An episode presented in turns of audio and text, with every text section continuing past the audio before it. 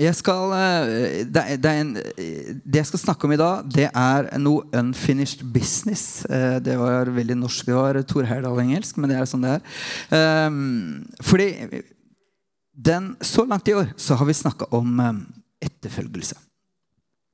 Uh, og det er ja, flere grunner til det, men jeg hørte som jeg sa forrige søndag, på LED så har det vært et sånn tema der. Og, og, det er noe som har jobba i oss over tid, det her med etterfølgelse. litt sånn, eh, hvordan, skal det her, hvordan, skal det se ut hos oss? Eh, og det vi har sett på så langt, er at han, når Jesus kalte disiplene sine, eller når han spurte deg om du ville ta imot han, om du ville bli en etterfølger, så er spørsmålet Det, det som ligger i det, det er om du, har, om du vil la, lære å la deg forme av Jesus. Og Det er det han, han ønsker å gjøre i oss. Ikke fordi han skal liksom få oss til å bli rare eller merkelige, men fordi han har liv å komme med som han ønsker å gi oss, som han ønsker å eh, skal skinne gjennom oss og hjelpe eh, både deg og, og menneskene som du har rundt deg. Eh, og eh, Forrige søndag så tror jeg, det var da det var, så snakka jeg om at når Jesus på en måte lanserte det her, da, så lanserte ikke han det som en akademisk utdannelse, men han sa, lanserte det som en fagskole. Han sa det Kan ikke vi gå sammen? Til disiplene. Og skal vi finne ut av det her. Jeg skal undervise dere, og jeg skal vise dere hvordan det her funker. Så når, når, når, de kom til ham for å finne ut hvordan ber vi, så var det ikke sånn at de fikk en manual eller en sånn kompendie i fanget. Men han sa vet du hva, bli med meg, så skal jeg vise dere det her. Eh, og, og, med andre ord, at den, den, prosessen da, den er mer praktisk enn det kanskje vi har klart å få til i kirker i disse dager. Um, så, men hva er det her unfinished business-greiene som du snakker om? Jo, fordi Den første søndagen så snakka jeg noe om, uh, om når de første disiplene ble kalt. Pet, uh, Jesus gikk langs uh, Genesaretsjøen, og så så noen som var ute og fiska, og så, eller holdt på med å fikse garna sine. Og så sa han vet, hadde mirakler med noen fisker, og så var det sånn Følg meg, så skal jeg gjøre dere til menneskefiskere.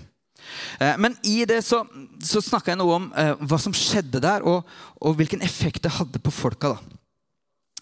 Eh, fordi spørsmålet mitt egentlig i dag er veldig enkelt.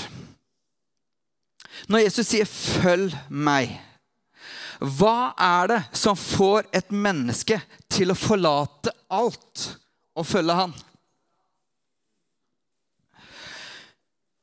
Altså, Hva gjør at et menneske er villig til å gjøre så stor endring i livet sitt? At den er villig til å slippe eh, eh, gå, eh, ta noen andre eh, valg, noen andre prioriteringer i livet for å følge Jesus. Og Det kan være mange ting eh, som, som, som, er årsak Det er mange, mange ulike historier her. Men, men, jeg har lyst til å lese et vers til å begynne med, og det står i Romerne kapittel 2 og vers 4. Og Jeg tror det på en måte legger et grunnlag da, for hvordan vi skal forstå hvordan Gud ønsker å arbeide med oss, hvordan han ønsker å lede oss og, og lokke på oss. Og der står det. Det er litt tøff, det er litt, det er litt sånn, Ordlyden er ganske heavy til å være så mildt budskap. Det må jeg innrømme. da. Der står det. Eller forakter dere han, du hans uendelige store godhet, overbærenhet og tålmodighet? Skjønner du ikke at Guds godhet driver deg til omvendelse? Eh, det er ikke sikkert du er klar over det, men omvendelse er et av de her budskapene i Bibelen som jeg liker kanskje aller best. Fordi i det så er det en, er det en, en mulighet til forvandling, til en endring. Eh, og omvendelse, det er, det er, ordet i seg sjøl. Altså det greske ordet betyr å omsinne seg, tenke annerledes. Det å gå i en annen retning fordi du tenker annerledes. Og hva er hva, er det Paulus sier er årsaken til omvendelse her? Altså Hva er det som driver folk til å ta det valget, hvor de slipper alt de har i hendene, eh, velger å si 'jeg forlater alt' for å følge ham? Jo, han sier det. Hans uendelige, det er ganske store ord, uendelige store godhet, overbærenhet og tålmodighet. Altså Det er med andre ord det han sier, Guds godhet som skaper forandringen i livet vårt.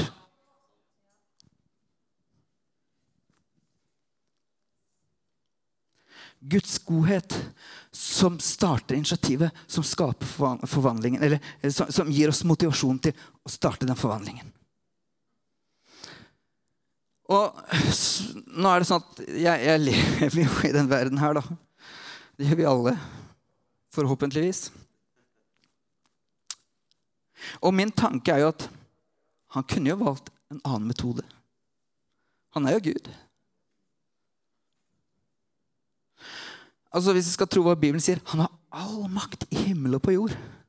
Så hvis han absolutt vil ha deg til å følge han, så kunne han valgt en annen metode. Tvang er jo et alternativ. Altså mot din vilje. Fordi du ikke har noe valg, så kunne sette deg i en sånn situasjon at du ikke hadde noe valg. Han kunne bruke frykt, og jeg vet eh, opp gjennom historien så har det vært en del frykt knytta til det å få folk til å komme til tro. Og han kunne skremt vettet av det. Skremt eh,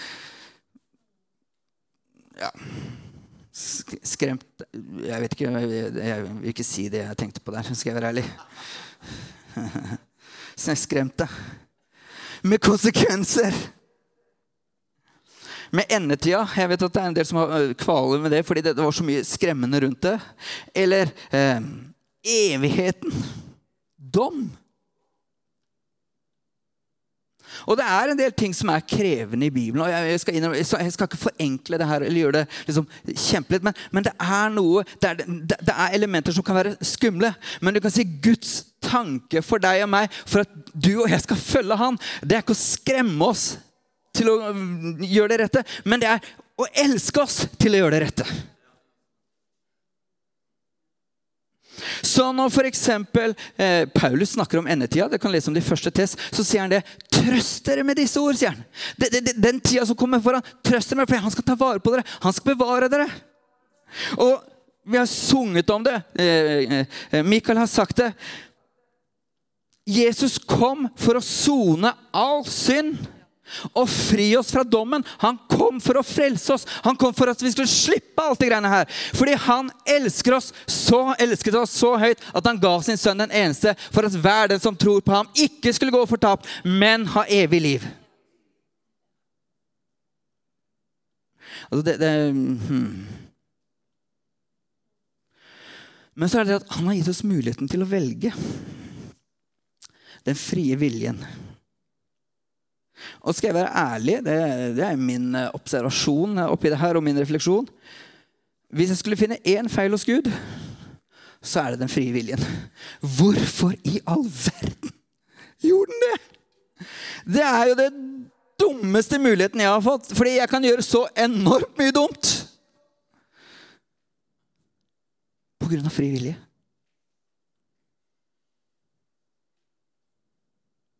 Men saken er at han vil at vi skal følge ham. Han vil at vi skal velge ham.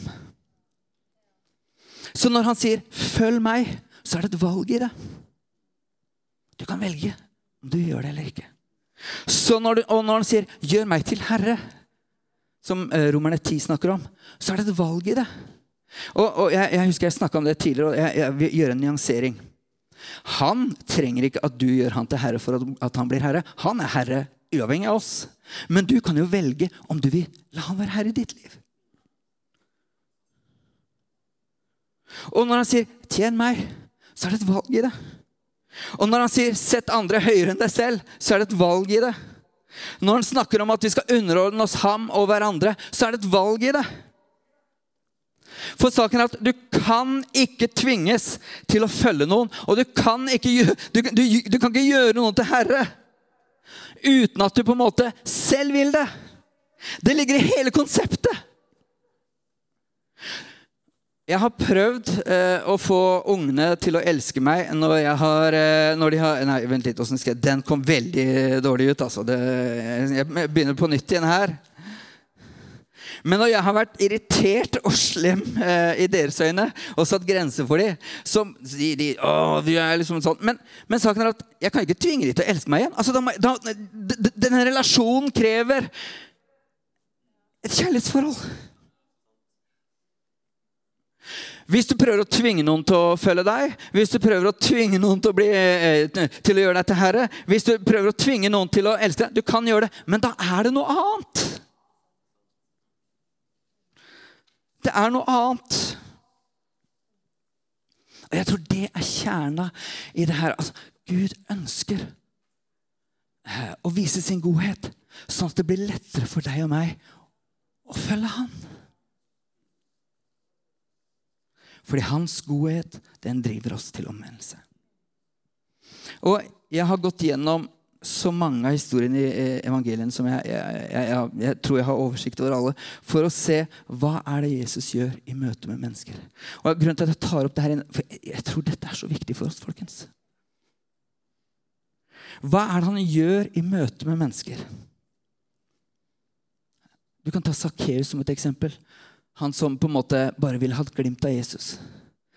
Han kommer hjem til en, og Det er kanskje et uh, rufsete hjem. han kommer hjem til, eller en rufsete fyr, Men han, han, nevner det ikke. Han bare sier 'Jeg kommer hjem til deg, og jeg vil spise sammen med deg.' Jeg vil være sammen med deg. Ta Matteus, en annen kar. Samme situasjon. Toller. Eh, dårlig likt og dårlig rykte. Men han går hjem. Men, men, men Jesus velger han ut. Uten noen noe pekefinger. Du kan ta hun dama som ble tatt i hor på fersken. Og de tenker hun skal vi steine, liksom. Men hva er det Jesus svarer? Heller ikke jeg fordømmer deg. Du kan ta blinde Bartimeus. Disiplene var ikke med på noten denne gangen, så De prøver å få ham til å holde kjeft, ikke forstyrre Jesus. Så, og han bare roper enda høyere. Og så sier Jesus, 'Kom til meg.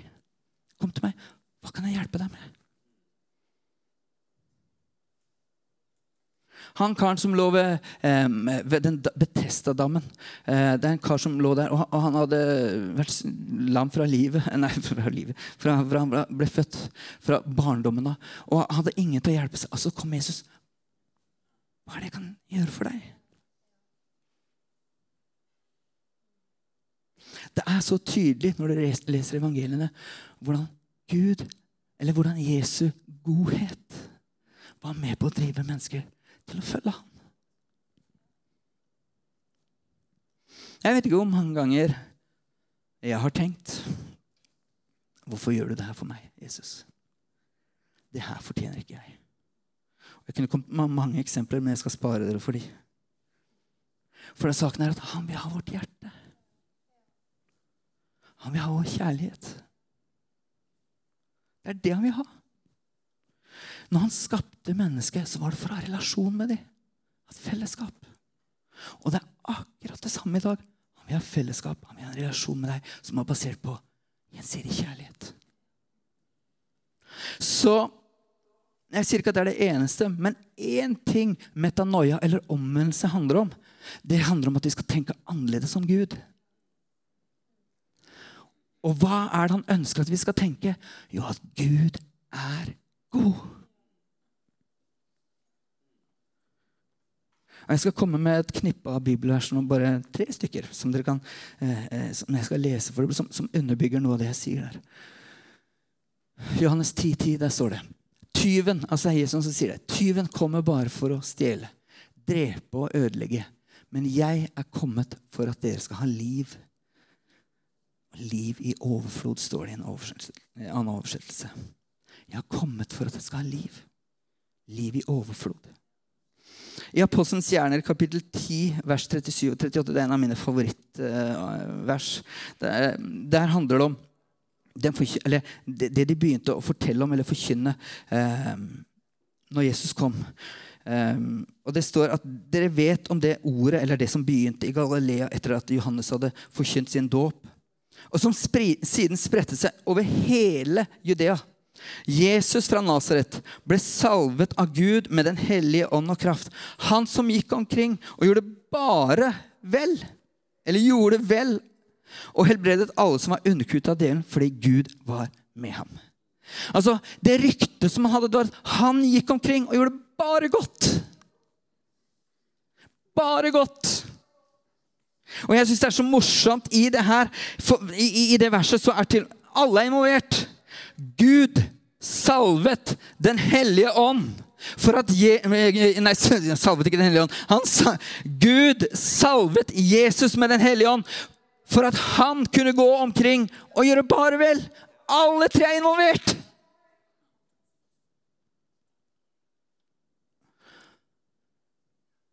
Jakob kapittel 1 vers 16 og 17. Det er noe med ordlyden i Bibelen som det er noe kulturelle greier der. Jeg synes det er morsomt. For jeg, når jeg leste det her fra Romerne eh, 2-4 det er ganske hard ordlyd på et, et godt budskap. altså, når det kommer til Jakob 1, så er det noe av det samme greiene. da. La dere ikke føre vill, mine kjære søsken. All god gave og all fullkommen gave kommer ovenifra. Fra ham som er himmellysenes far. Hos ham er det ingen forandring eller skiftende skygge. Det han sier her til Jeg vet ikke hvem han skriver til, her, som Jakob skriver til, det er Ikke vær helt på jordet! Ikke la noen lure dere på noen måte, fordi Gud er bare god, og bare gode gaver kommer fra Han. Ingenting annet. Hva folk måtte prøve å si det, hva omstendighetene måtte prøve å overbevise ham. Hos ham så er det godhet, ingen skiftende skygge. Det er det han står for. Det er det han er. Jeg vet ikke om vi har hørt uh, uh, det greiene Altså, uh, vi kan ha kjærlighet. Gud har ikke kjærlighet. Han er kjærlighet. Han er kjærlighet. Så jeg tror Midt i alt som måtte storme rundt oss, midt i alt vi står i, og hva, vi måtte komme inn, eh, hva, hva, som ligger foran oss, så det er så viktig å holde fast på den klippen det er om at Gud er god. Han ser deg, han bryr seg om deg, han vil deg det beste. Hos ham er det trygt. Hos ham er det trygt. Jesus.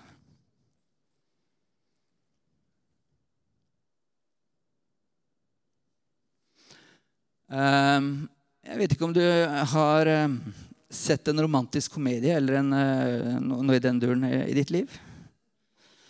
Et par ganger.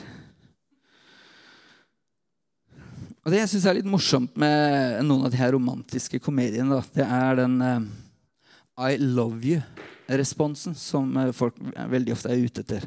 Altså De kan være litt sånn, litt sånn flørting og litt sånn greier der, og så, og så har du så lyst til å si I love you. Men så er han så usikker på om eh, den andre er eh, klar til å gjensvare eh, I love you.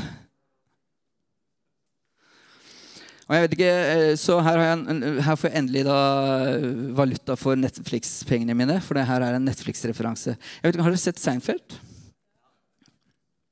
Jeg syns det er rasende festlig. Det er litt sånn uh, mobbe-TV, men uh, veldig morsomt, uh, egentlig. Og I en av de episodene der så er det George. Jeg vet ikke om dere kjenner til George. Det er en sær fyr.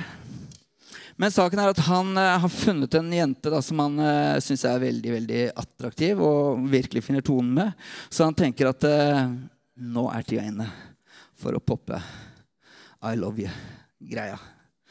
Så han sitter i bilen, og så sier han I love you. Ta sats, liksom. Sier I love you. Og så er det null respons. Det hun svarer, er eh, Du, jeg er litt sulten. Jeg skal jo gå og spise.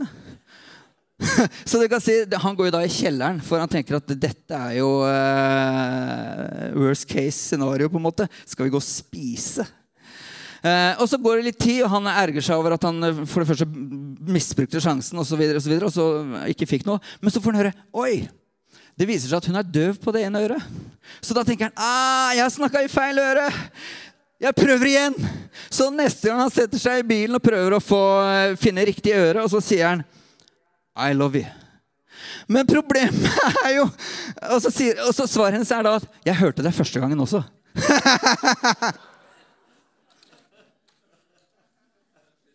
Den er ekkel. Jeg hørte det første gangen også. Så det ble ikke noe mer ut av det greiene der.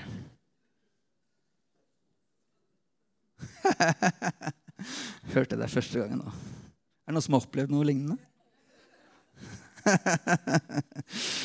Hørte det første gangen nå. Ja, ja. Jeg har lyst til å avslutte det her, holdt jeg på å si Det er den I love you-responsen. Eh, fordi det jeg snakka om sist jeg var inne på det temaet. Det her, det her the unfinished business kommer. Fordi Forrige gang jeg snakka om eh, de fiskerne, da, som når Jesus kalte de. Det var det jeg snakka om sist. Men Vi skal lese fra Johannes 21. Og Der kommer jeg til å lese et ganske stort avsnitt, eller jeg kommer til å lese store deler av det. Fordi det som er foranledningen her, det er at denne gangen så har eh, Han har jo gått med de hele Det er helt på slutten av tjenesten. Der, eller det er jo etter at han har stått oppi den. Og du kan si, her, her har de liksom, Nå har de levd sammen med Jesus i tre og et halvt år.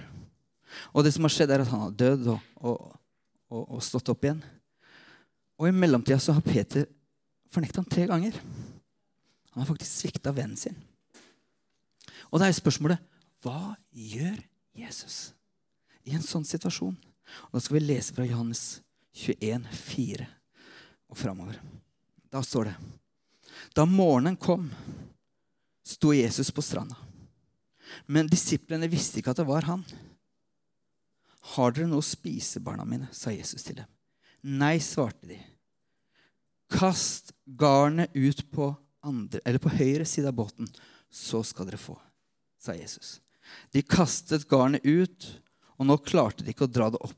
Så mye fisk hadde de fått. Disippelen som Jesus hadde kjær, sa da til Peter, 'Det er Herren.' Da sa Simon Peter, da, da, Simon Peter hørte at det var Herren, bandt han om kappen sin. Den hadde tatt av seg og kastet seg i sjøen. De andre disiplene kom etter i båten og dro garnet med fisken etter seg. De var ikke langt fra land, bare omkring 200 alen. Da de kom i land, så de et bål, og det lå fisk og brød på glørne. Kom hit med noen av fiskene deres, som dere nettopp fikk, sa Jesus til dem. Simon Peter gikk da om bord i båten og trakk garn i land. Det var så fullt av stor fisk, 153 i alt. Men enda det var så mange, revnet garnet, og Jesus sa til dem, 'Kom og få mat'.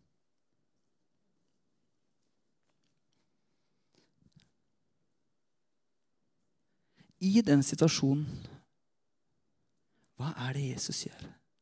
Han kunne brukt muligheten til å si, 'Var det ikke det jeg sa?' Han kunne brukt muligheten til å anklage og si vet du hva, du holder ikke mål. Men isteden så gjør han et nytt fiskemirakel. Første gang de møttes, eller noen ble kalt, fiskemirakel. Nå etter at han hadde svikta, fiskemirakel. Og vet du hva? Jeg, jeg, jeg, er, jeg prøver å være noen menneskekjenner, men, men jeg kan forestille meg at det fiskemiraklet den andre gangen føltes enda mer ufortjent. Første gang var det som en fisker glad og lykkelig bare henger seg på. Andre gangen levd sammen og svikta. Jeg kan tenke meg den følelsen. Og Hva er det det neste han gjør? Jo, han lager et måltid av fisken, og de spiser sammen. De har fellesskap. Gutta er samla igjen. Nå spiser vi sammen. Og jeg kan tenke meg at det var et, et, et måltid med litt blanda følelser, det også. Tenk på den gleden. Å, han er her. Men også den selvfordømmelsen. Oi, men jeg er her også.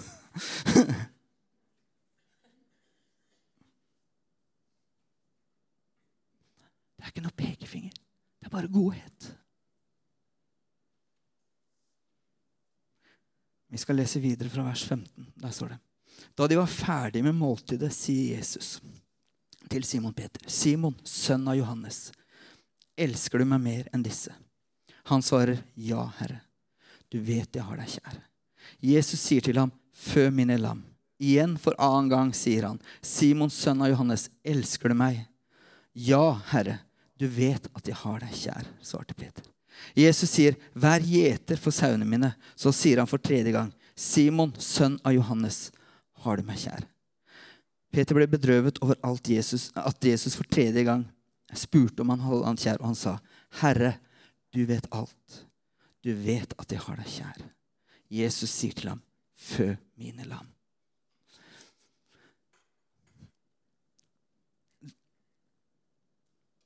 Jesus viser bare godhet og kjærlighet.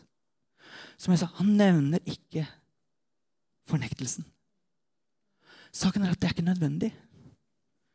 Fordi han hadde allerede vendt om og angra seg. Det står at etter at han fornekta Jesus, så gråt han bittert. Men det Jesus spør om, er det I love you-respons. Han sier, 'Elsker du meg?'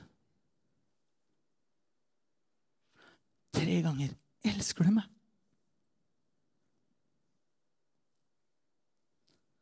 Og på toppen av det så kaller han han til å bli en leder i den første kirken. Altså på en måte, jeg, jeg, jeg vet ikke hvordan det her henger sammen, men på en måte så hadde han bestått fagprøva. Han hadde, han hadde fullført lærlingtida, og nå er du klart å Nå skal du springe av gårde med det greiene her. Jeg syns det er merkelig timing. På det mørkeste øyeblikket kanskje i livet så kommer han med den største nåden. Anna nevnte på det eh, tidligere en søndag om, om takknemlighet. Altså, når de var i, i, i fengselet i den midnattstid, på den mørkeste tida, så sang de lovsanger til Gud, og så befrir de ut av det her fengselet, som Paulus og Silas i Apostelens gjerninger. Og det er noe med det at Gud er så god. Han fordømmer oss ikke. Han, han, han, han har ikke ting imot oss. Han kommer med fred, frihet og løfter oss opp og sier, 'Vet du hva, du er tilgitt. Vi går videre.'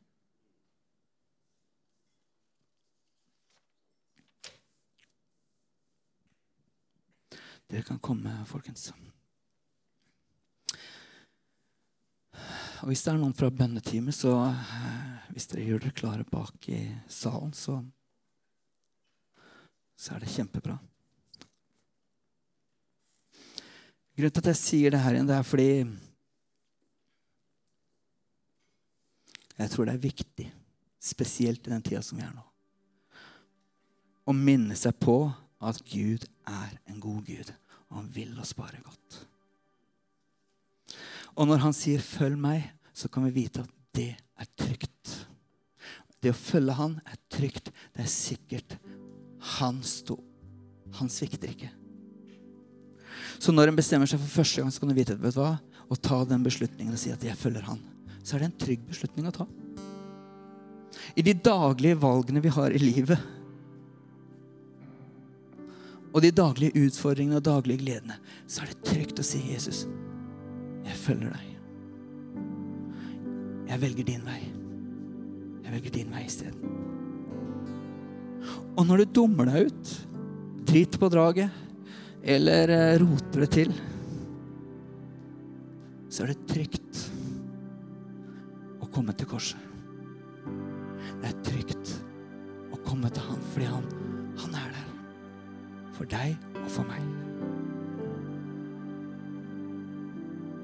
Jeg tror vi trenger å minne oss om det. Holde det høyt. Han er der. Han er, er det trygt å følge.